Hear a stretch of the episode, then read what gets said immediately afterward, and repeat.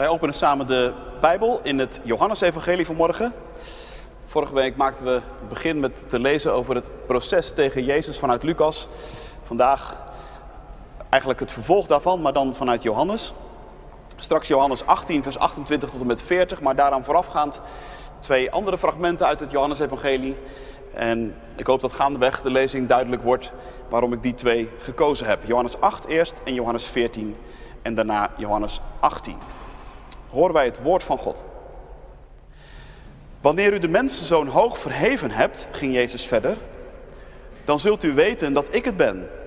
En dat ik niets uit mijzelf doe, maar over deze dingen spreek zoals de Vader het mij geleerd heeft. Hij, die mij gezonden heeft, is bij mij.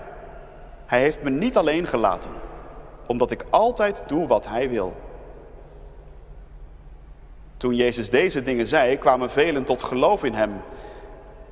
En tegen de Joden die in Hem geloofden, zei Jezus, wanneer u bij mijn woord blijft, bent u werkelijk mijn leerlingen. U zult de waarheid kennen en de waarheid zal u vrijmaken. Tot zover de eerste lezing. Uit Johannes 14.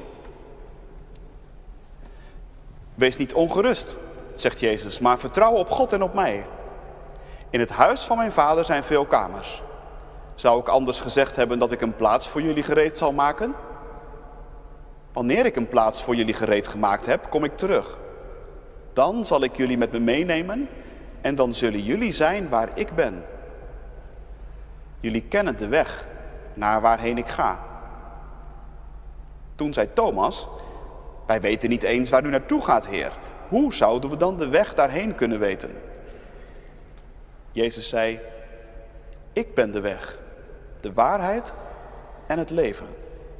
Niemand kan bij de Vader komen dan door mij. Tot zover de tweede lezing. Vervolgen we in Johannes 18. Jezus werd van Caiaphas naar het pretorium gebracht. Het was nog vroeg in de morgen.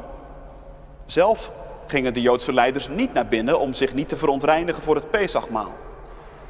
En daarom kwam Pilatus naar buiten en hij vroeg, waarvan beschuldigt u deze man?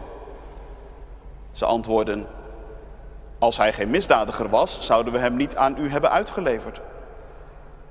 Pilatus zei, neem hem dan mee en veroordeel hem volgens uw eigen wet. Maar de Joden wierpen tegen, wij hebben het recht niet om iemand ter dood te brengen. Zo ging de uitspraak van Jezus in vervulling, waarin hij aanduidde welke dood hij sterven zou. Nu ging Pilatus het pretorium weer binnen. Hij liet Jezus bij zich komen en vroeg hem, bent u de koning van de Joden? Jezus antwoordde, vraagt u dit uit uzelf of hebben anderen dit over mij gezegd? Ik ben toch geen Jood? antwoordde Pilatus. Uw volk en uw hoge priesters hebben u aan mij uitgeleverd. Wat hebt u gedaan? Jezus antwoordde, mijn koningschap hoort niet bij deze wereld. Als mijn koningschap bij deze wereld hoorde, zouden mijn dienaren wel gevochten hebben om te voorkomen dat ik aan de Joden werd uitgeleverd. Maar mijn koninkrijk is niet van hier. Pilatus zei, u bent dus koning. U zegt dat ik koning ben, zei Jezus. Ik ben geboren en naar de wereld gekomen om van de waarheid te getuigen. En ieder die de waarheid is toegedaan, luistert naar wat ik zeg. Hierop zei Pilatus, maar wat is waarheid? Na deze woorden ging hij weer naar de Joden buiten. Ik heb geen schuld in hem gevonden, zei hij. Maar het is bij u gebruikelijk dat ik met Pesach iemand vrijlaat. Wilt u dat ik de koning van de Joden vrijlaat? Toen begon iedereen te schreeuwen. Hem niet, maar Barabbas. En Barabbas was een misdadiger. Tot zover de lezing deze ochtend. Dit is gemeente het woord van God voor jou, voor u, voor mij. Gelukkig zijn we als we het woord van God horen, dat bewaren in ons hart en daar ons vertrouwen op stellen. Halleluja. Amen.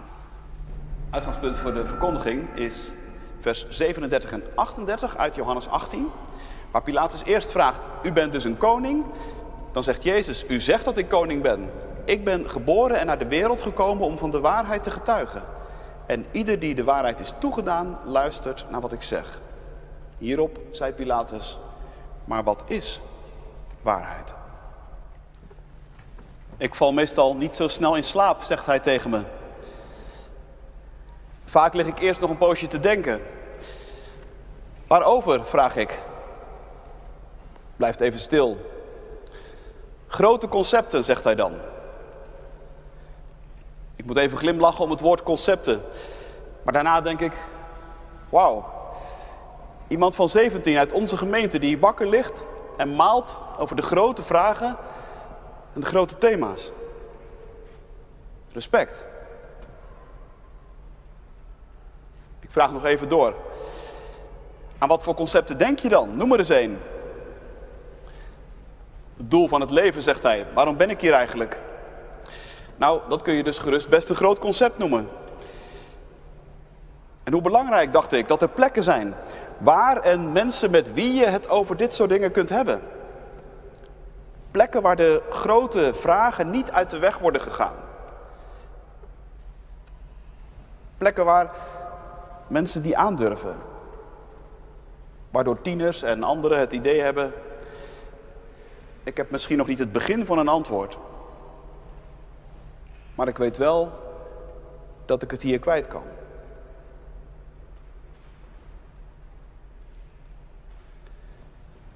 Tijdens het Jacobi-debat afgelopen donderdag zei schrijver en dichter Marieke Lucas Rijneveld: Ik hou het meest van woorden die vergeten dreigen te raken.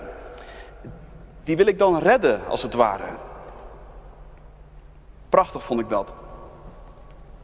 Dat er mensen zijn die zich bekommeren om woorden die vergeten dreigen te raken, omdat ze merken en aanvoelen dat dat niet goed is. Dat het verlies is als dat gebeurt en dat het schade doet als bepaalde woorden wegcijpelen uit een cultuur of uit een kerk of uit je persoonlijke leven.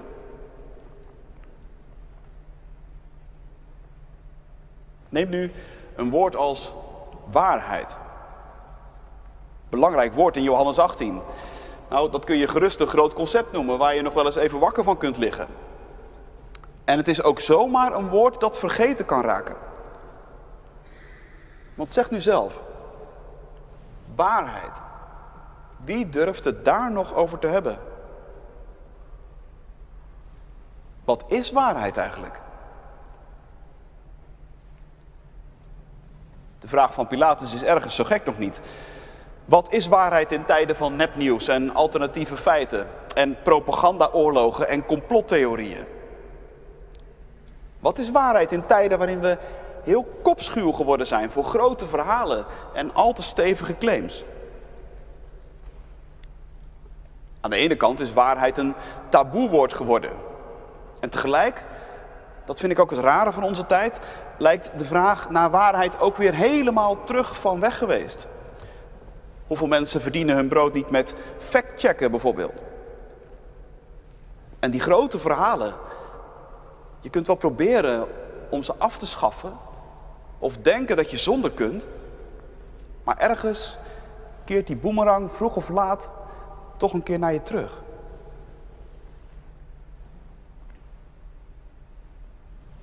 Ik zei al, in Johannes 18 gaat het onvervroren over de waarheid. Maar niet op een theoretische manier. Er wordt niet een beetje vanuit een leunstoel gefilosofeerd over waarheid. Daarvoor staat er te veel op het spel.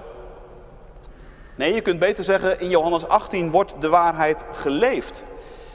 En dat maakt dit hoofdstuk ook zo fascinerend. Want je ziet de waarheid zich voor je ogen ontvouwen. Die kinderen hadden het wel heel raak. Dat je, als het over waarheid gaat, altijd naar gezichten moet kijken. De eerste figuur naar wie wij vanmorgen kijken is Pilatus. Pilatus, de Romeinse stadhouder, hij is, ere wie ere toekomt, degene die de grote vraag stelt. Wat is waarheid?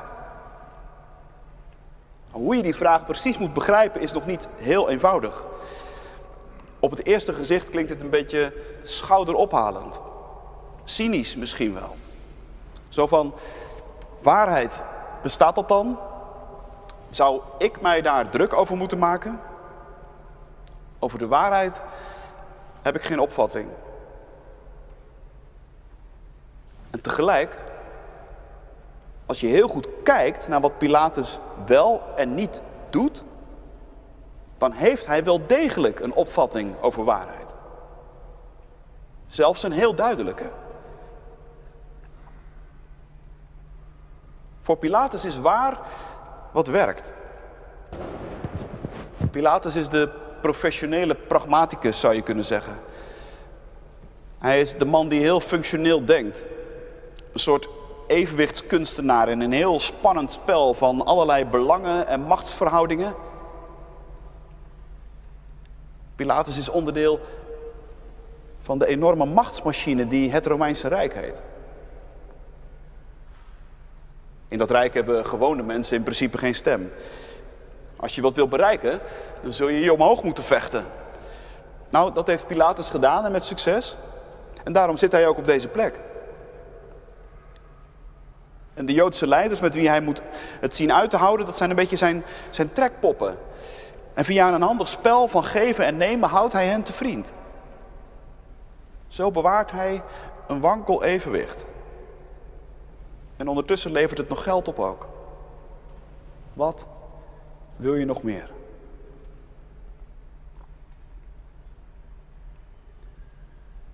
Pilatus' manier van omgaan met de waarheid is trouwens vlakbij. Misschien dacht ik, is het wel de waarheidsopvatting van de meeste mensen in de westerse wereld waarin wij leven, die wij zijn. Waar is wat werkt?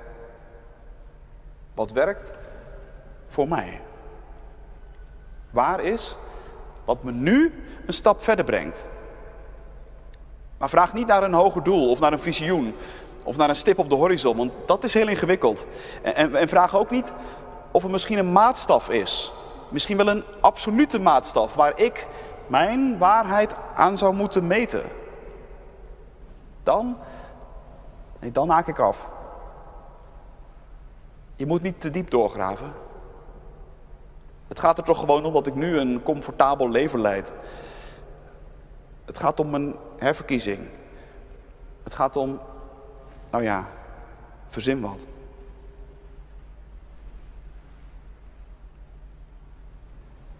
Met die waarheidsopvatting kun je ver komen. Maar in dit hoofdstuk wordt ze toch ontmaskerd. En de evangelist Johannes laat het prachtig zien. In dit hoofdstuk en ook in het volgende, als je doorleest, loopt Pilatus telkens van binnen naar buiten en van buiten weer naar binnen. Buiten kan hij de man zijn die hij graag wil zijn. De politicus die weet hoe hij een menigte moet bespelen. Buiten toont hij zijn professionele gezicht. Buiten stelt hij de vragen en heeft hij het overwicht. Maar binnen Binnen is Jezus. En Jezus, Jezus haalt Pilatus uit zijn evenwicht. Binnen wordt Pilatus omgang met de waarheid uitgedaagd en, en ook ontmaskerd. Als te dun en te weinig. Binnen blijkt dat Pilatus binnenkant angstwekkend leeg is.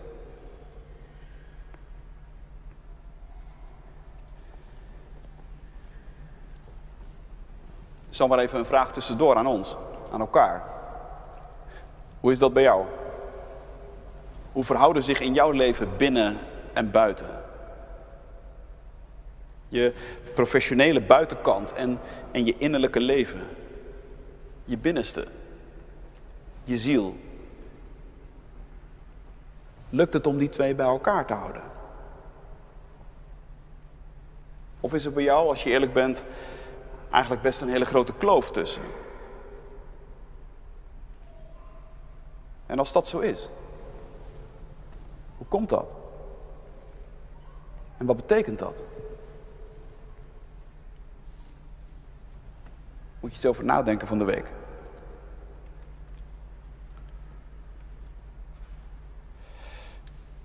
Dat Pilatus zo van zijn stuk gebracht wordt door Jezus, dat komt door wat hij van Jezus ziet en hoort. Want dat krijgt hij niet bij elkaar, dat matcht niet in zijn ogen. Op een bepaalde manier zou je kunnen zeggen dat ook bij Jezus de buitenkant en de binnenkant niet op elkaar aansluiten, maar dan helemaal andersom. Bij Pilatus zelf maakt de buitenkant indruk. En zo taxeert hij ook mensen. In minder dan geen tijd heeft iemand als Pilatus de balans al opgemaakt. Voor iemand als Jezus hoef je niet bang te zijn. Sneuwe gevangenen stelt niet zoveel voor. Misdadiger kan het onmogelijk zijn, maar wat is hij dan wel?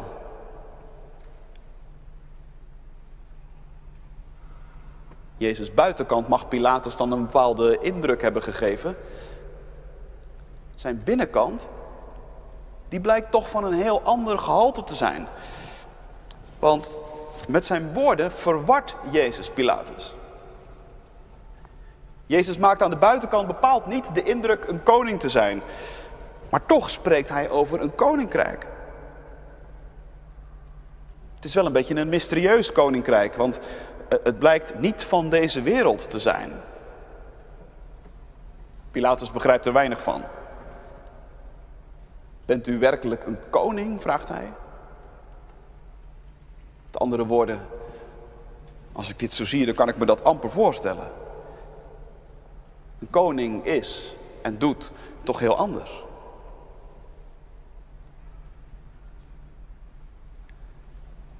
Ja, en ondertussen wordt het plaatje voor Pilatus alsmaar verwarrender, want deze mysterieuze gevangene, deze mysterieuze figuur die in geen enkel opzicht lijkt op een koning, blijkt er toch hele hoge gedachten op na te houden. Hiertoe ben ik geboren, zegt hij, en in de wereld gekomen, opdat ik van de waarheid getuigenis zou geven.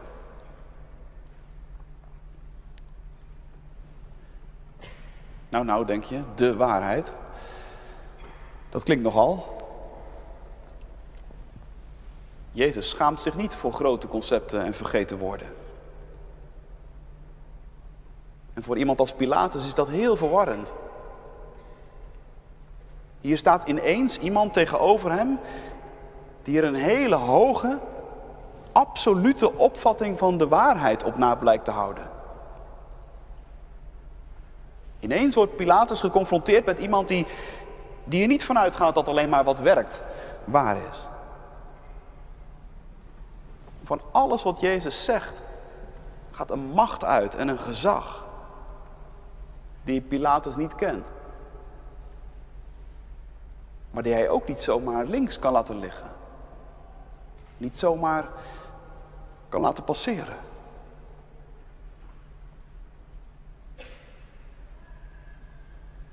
waarheid. De waarheid voor Jezus is niet hard en berekenend. De waarheid voor Jezus is ook niet koud en onverschillig. Het is niet een, een, stelsel wat je moet slikken of, of anders zul je erin stikken.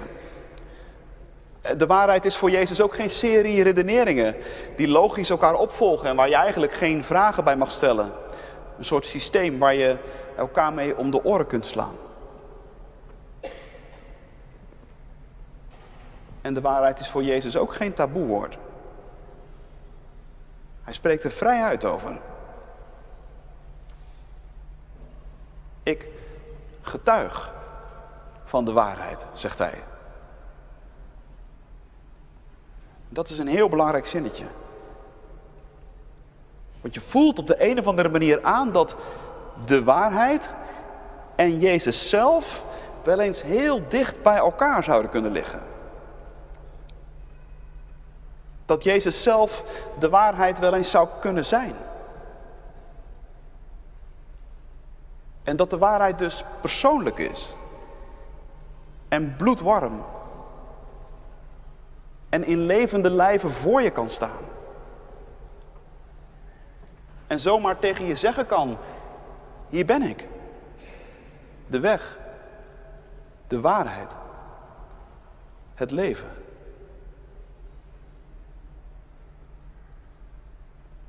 Wil je mijn waarheid leren kennen? Kijk dan goed. Kijk naar mijn leven, luister naar mijn woorden, ga mijn weg. En dan zul je merken dat mijn koninkrijk van een heel andere orde is. Dat ik je meeneem naar een wereld waarin je stoutste dromen en je mooiste verwachtingen worden overtroffen. Omdat het zo anders is. In mijn koninkrijk regeert niet het eigen belang. Mijn koninkrijk is het rijk van de vrede en van de overvloed. Dat is mijn waarheid. En mijn waarheid maakt vrij.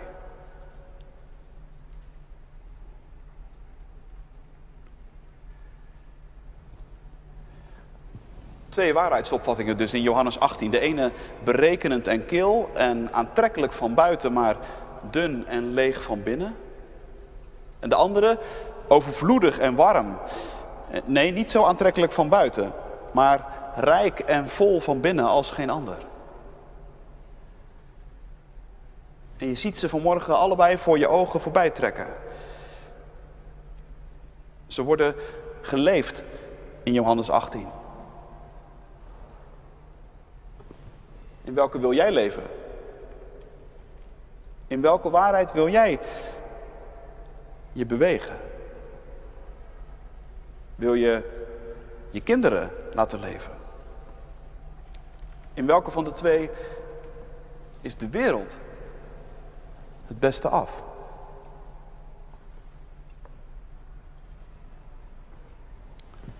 Vanmorgen zijn jullie hier om je kind ten doop te houden. En daarmee maak je eigenlijk al iets van een soort keuze zichtbaar. Want dopen zou je kunnen zeggen, dat is ondergedompeld worden in een, in een groots concept. Misschien nog beter, in een groots gebeuren.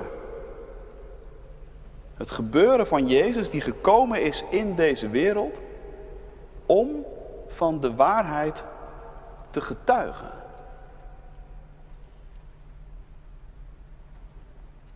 En die tegen ons zegt, wie de waarheid is toegedaan, luistert naar wat ik zeg. Dat doen jullie vanmorgen door hier te zijn. Jezus spreekt in het teken van de doop. En wij, wij luisteren. De doop vertelt ons dat we bij een koninkrijk horen dat niet van deze wereld is. Met een ander soort koning en hele andere mores. En de rest van je leven krijg je van God om uit te vinden wat dat betekent. Samen met je kinderen. Leven in en uit die waarheid.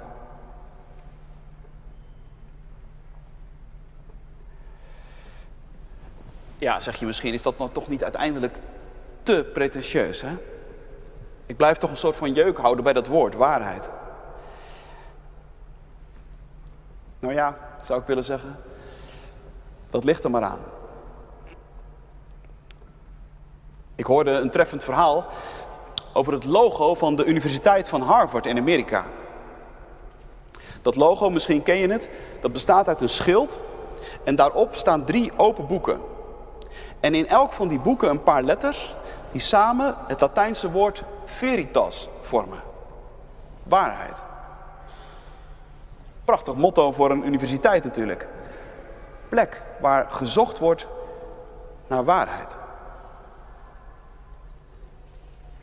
Maar wat ik las in dat verhaal en niet wist, dat is dat dat logo in de loop van de tijd een keer veranderd is. Vroeger stond er nog een zinnetje omheen. Veritas Christo et Ecclesiae. Dat betekent de waarheid van Christus en de kerk. Die woorden zijn op een goed moment geschrapt. Ze zijn al een tijdje vergeten geraakt, zou je kunnen zeggen. En, nog fascinerender eigenlijk, waar nu de drie boeken uitnodigend open liggen, was ook dat anders in het oude logo. Bij het oude logo lagen twee boeken open en de derde lag op zijn rug. Daar kon je dus niet in lezen. Alsof dat logo wilde zeggen, wij weten wel hier waar we de waarheid te vinden hebben, maar we geven direct toe dat we haar nooit in pacht zullen hebben. Een deel van de waarheid blijft altijd verborgen en blijft altijd een geheimenis.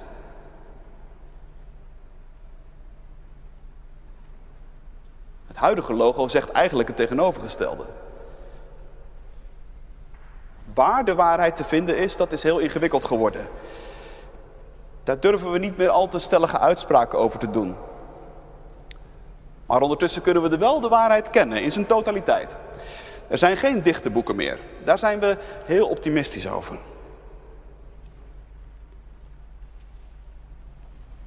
Veelzeggend eigenlijk, die verandering. Hoe je in één plaatje een totale cultuurshift aan je voorbij kunt zien trekken.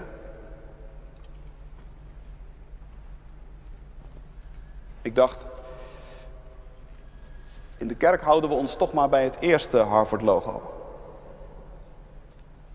We weten hier heel goed dat de waarheid niet van ons is. En dat we die nooit in pacht zullen hebben. En toch, toch schamen we ons niet voor grootste concepten en vergeten woorden. We blijven elkaar hier week in, week uit herinneren aan wie de weg is, wie de waarheid is en wie het leven is. En we blijven ernaar verlangen en elkaar helpen om in die waarheid te leven. Want alleen de waarheid die Jezus Christus is, die maakt vrij. Amen.